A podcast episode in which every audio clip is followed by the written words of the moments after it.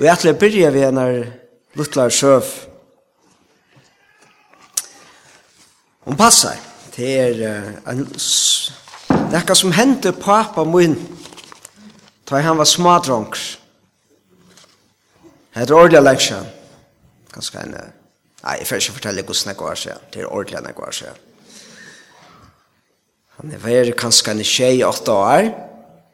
Og han satt ut av trappesteinen og i Vestmanna her, som han bor. Og han hukte ut, og her så han Konstans, han er kon. Men han så ikke bare henne, men han så eisen nærkere ære drang, som var sindre eldre enn han. Og teir argave Konstans. Og hvor argave der henne? Jo, tog jeg, tog jeg selv om Konstansa var en vaksen kona, så hilde det at sinne kjønne var meira som kjønne bad. Og det hilde det var stortlig til arke henne, til så ble hun kjett. Og pappa hilde, pappa min, han hilde det var øye åreins. Og han hugsa i fyrir seg som han stå og sa hetta. Og hugsa om hvordan sin til å være i konstans. Så spurte han seg sjálfan,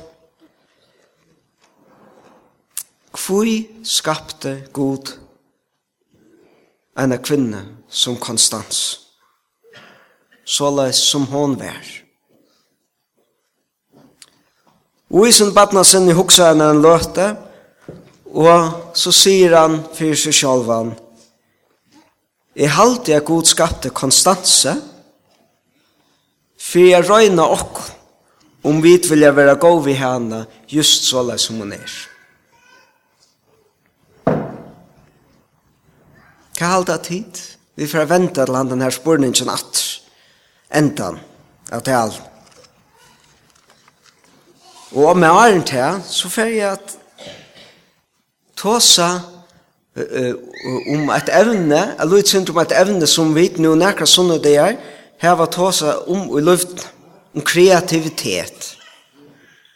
Kreativitet er til at her var skapene evner, til at doa Jeg bruker sine, sitt hoflå og tar tankar om man gjør seg og bruker det som rundan om seg til å skapa okkurst. Ta ut hugsa om kreativitet og hugsa ut ofta han er særlig om folk som du og øyla vel at mala mynter etla etla gjera standmynter etla fortelja søver etla vera sjånleikarer etla skriva og alt mulig annet Men vi er jo alt kreativ. Og for iver høver at iverliva så må vi være kreativ. Tui kreativiteter til öll til evnen som vi öll hava at huksa og så sutja nøkker ting rundan om okkon og så bruka hendna eller kvæta skal være at gjera nøkker Vi hadde slett ikke kunne iveleve hvis vi ikke var kreativ. Så vi tar bruk for fiskemannen som hava ta hofløy og ta vitane om sjekven at ta vita hver der skulle færa fiska. Og vi behøver bruk for handverskaren som do er suttja en båt i høtten og tjasar og smujan. Jeg var ena for en tja vimmanne. Han brukte unga tekningar, men han smuja en båt. Hvor? Til han var kreativ. Han dote suttja en høtten og tjasar, og så bygde han han. Og på henda matan, hvis vi skulle hava hus, hvis vi skulle få døvra båre, alt i okra løyve, til tenk det at skapanar evne som vi hava som mennesker, til at vi kunne huksa om hva okkur tørvar, hva gjer okkur gled, hva gjer ånder gled, hva vi skulle gjere for at løyve kan være innihalsrukt, og at vi kunne omsette det til ting og tankar og alt mulig annet. Så helt grunnleggjant til okkur menneskjum er at vi hava skapanar evner. At vi hava førleikan at teka okkar ideer og, og omsetta der til okkur snutt, okkur størst, okkur gleilt. Men til at vi er kreativ, at vi har skapanar evner. Hver grunn at det er ui, det er grunn er hæsson, at vi, som mittlen alle skapningar av hjørne, er vi er teg som god sette sitt særlig stempel av. Han sa okkon, og han sier, hetta, hetta er menneska som er skapt i mynd mun. Hva vil det så sia er vera skapt i mynd gods? Det mørste er god hever sett okkon og er særstakt samfellet vi han. Han ønsker at hava samfellet vi okkon og han innskjer at vita at vi skulle vite at vi kunne leve i samfella vi han. Og ut fra tog at han har skapt okkon at vi er samfella vi honom, så innskjer han at jeg skal mynda til samfella vi teva hver vi annan. Og vi alt teg rundan om okkon, og eisne vi alt skapana verst, og alt og liv og i. Og hvert skulle vi som teg som er finnje hetta særstakka stempelet av okkon, til er vi er skapt i mynd gods, kvui ui ötlens nere vi skulle hava et samfella vi han og vi ånder til særstak, ja, men til tog at han innskjer at det er ikke bare han som skal gjøre vilja sånne hjørne, men han innskjer at fremja sånne vilja og jøkken okkon. Og hvordan vil han at vi skulle gjøre det, jo han vil at alt er vi er skapt i mynd hans herra, så skulle vi spekla hvor han vi han er og i okkara liv. Vi er mynd gods, og vi skal vise hvor vi god er. Og hvordan viser vi det? Jo, vi viser det, og i tjøkken det som vi er, så som vi lever. Det som vi gjør. Vi øtlom tog som skaparen er lagt og jokken. Og så gjør det så, ja, så er det ein sammenhenger med en kreativitet, er hava skapande evner, og at vera skapter i mynd gods. Vi er skapt i mynd skaparans. Og ein av grunnleggjande tattnun av tog som her ui okkon så er til er vit, vi kunne ikkje skapar onkun. men grunnleggjande i ötlen okkara løyf, er til at ans og han skapte jo evna til, så innskjer han at vi skulle bruka til som er rundt om okkon. At evna nudge ting. At evna go ting. At evna forhold hver vi annan som er go, som vi kunne sutja glemmer av dårdgodsøy. At uh, gjerra ting som, som uh, som er meningsfull, som er god.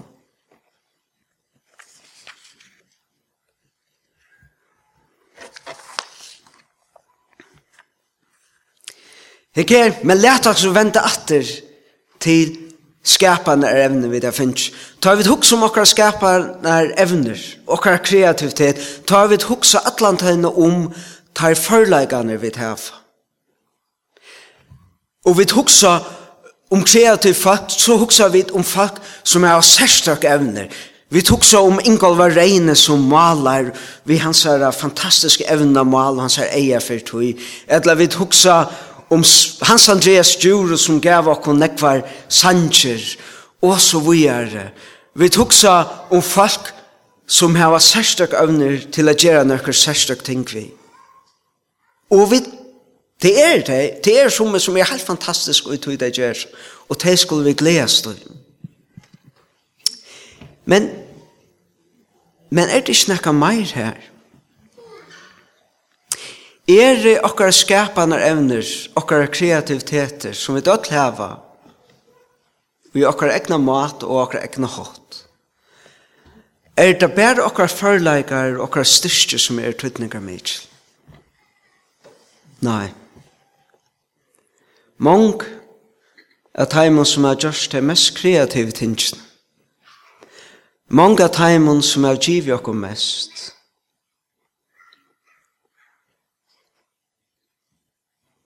Kjeldan til det som det har givet okkur er utui som det mangla. Ein rithøvender skriver en bok som er sult.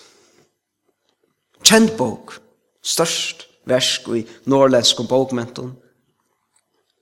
Og han skriver henne at han var svenker. Han manglet henne ikke. Og, og opplevelsen er svangt. Og til å tro etter mæte og å få til, til å være kjeldan til at han skriver i disse bokene. Og hvis vi færre hitje etter den sangen som vi skriver, hvordan nekver er at de sangen som vi synes og halde er fantastisk, er ikke ålukkelig karlagsans.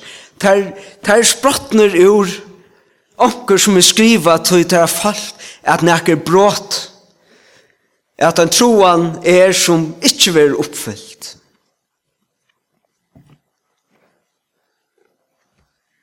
Jeg har alltid fortakket meg en liten løte til å fortelle ene søve som lyser dette så, så sterkelig vel. Ein, ein øyla kjenter med eit, som han var katolske prester, han er at Henry Nau. Og han kjente som akademiker, han var kjente som ein som tog vel å skriva antallige bøker, han var kjente som ein som hjelpte nekvun, falkun nekv. Og han enda som professor av Yale og Harvard. Men Henry Nauen hei i synun hjärsta en av grunnleggjande årekv. Han er ikke fri, djupa seg salen er om han er hjelpsson ekvinør. Og medan han var og er som tint noen av søgnar yrkeslei, så vendi han atlum bætje, Og han flyttet til et heim i Toronto, som heter uh, Larch.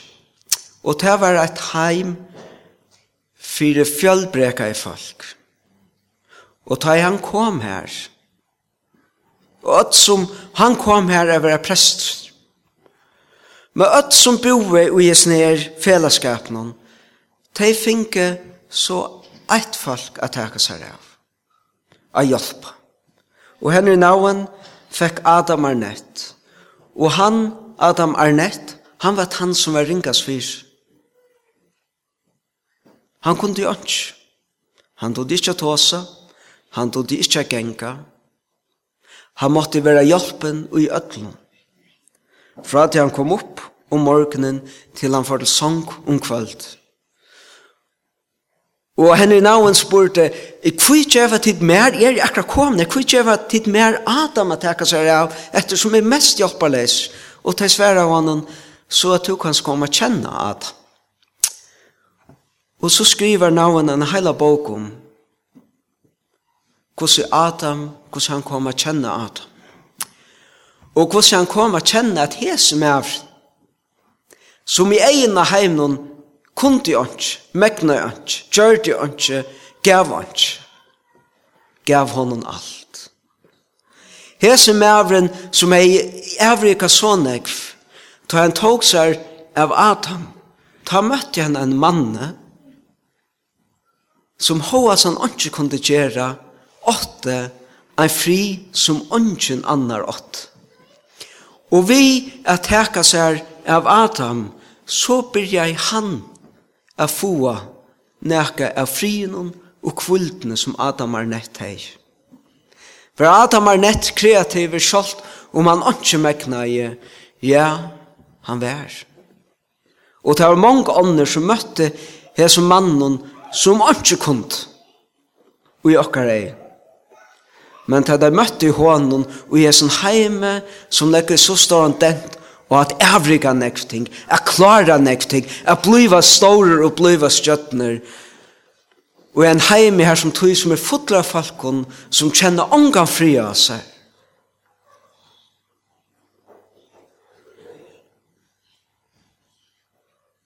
Her var det Adam er nett, ein maver skapte som han vær og i myndgods. Han heie neka som ötlen her som falkon tarvar. Han lette deg inn og i færre hjärsta gods, a sudja vil det sige å være elskaver, utan treitalaist og utan eka. Og så alles kunne vi held jo av i nekven øren døm, hatta døm er kanska eh, ekstremt på en mat. Men så alles er det i liven og tjokken at øyla oftane, tar vi hoksa og vi få, hvis onker sier, um, myndgods, menneskeskapte myndgods, hvordan ser det ut? Så ofte tar mynden vi skapar okkon, er det myndene som gamle grikkar høgt i stein. Jeg sa det, så teka et først, perfekt mannfag, muskuløs, velproporsjonera, 1 meter og 2 og fors, flott hår.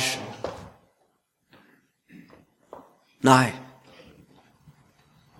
Mynd Guds ligger ikkje ui, ui kvann mun, vidliv opp til ein eller ære idealmynd av hva det vil sija er vera mever eller kvinna, jente eller dronker. Så hvis mynd Guds ideelt er 1 meter 2 for, så er 25 cm fra en. Og det kunne så hukse om hver jeg tikkere mangler, men hatt er ikkje mynd Guds.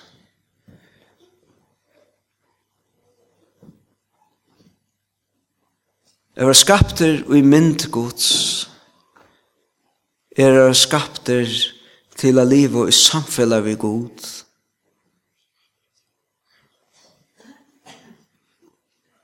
Og i ljósen av tog er vise hver i god er for hver nør han sa karlæg han sa omsorg og han er skapt okkun öll imisk. Og til just oftast, ja, Paulus sier i Øren Korinther brev at han strøyes vi akkur så god sier til vi veikleika tøynan er styrstjum en lekkur. Hver kom vi oftane suttjas kjeldna til kreativitet, kjeldna til hvordan vi kunne være glema gods ut i heimen til her som vi er veik. Så som vi enda i det. Læt meg så vente meg atter til spørningen tja pappa min som han hei som smadronk. Hei han rett ta han sier kanskje skapte god konstanse for jeg røyne ok for jeg vet om vi vil elske henne som hun er. Ja, jeg har han her rett. Det er aldri god røyner okken ofta. Og hvordan vi elskar teg som ikkje er som er, eller som vit, sier okken eka om hver vi er. Men i halte han er bare parstvis fratt.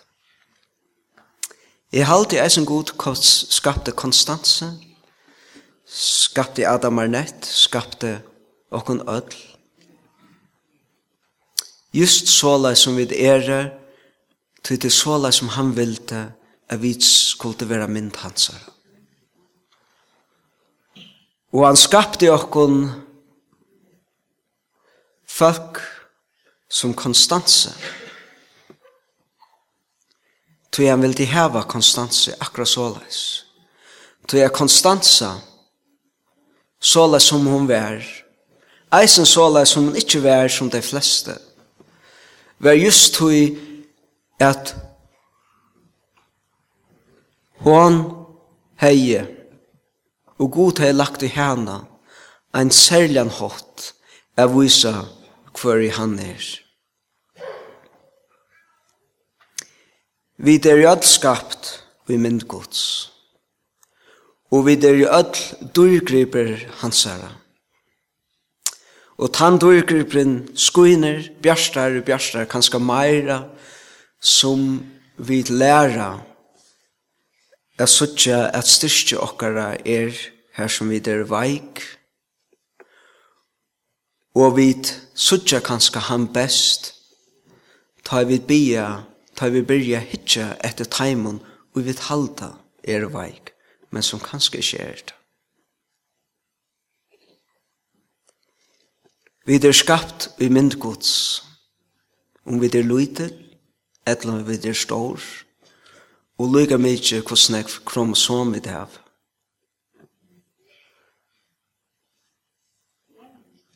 Og hvis vi skulle trykva evangelien her som middepen er etter en maver, god kom i holdt. Vansen sier, da han var veikast ta han var bunten, slien og nelder og en kross. Ta veste god okkon, tan karlæka som han innskir, er vit skulle, er som okkon ikkje bare tarvar, men som vit eisne skulle vise. Hvis det er satt, hvis det er hesen karlæk, som prekva seg ut i myrskaste løtene, ta god og i holdi er veikastur, så er det å være skapter og i min gods kanskje størst her som vi er veikast. Amen.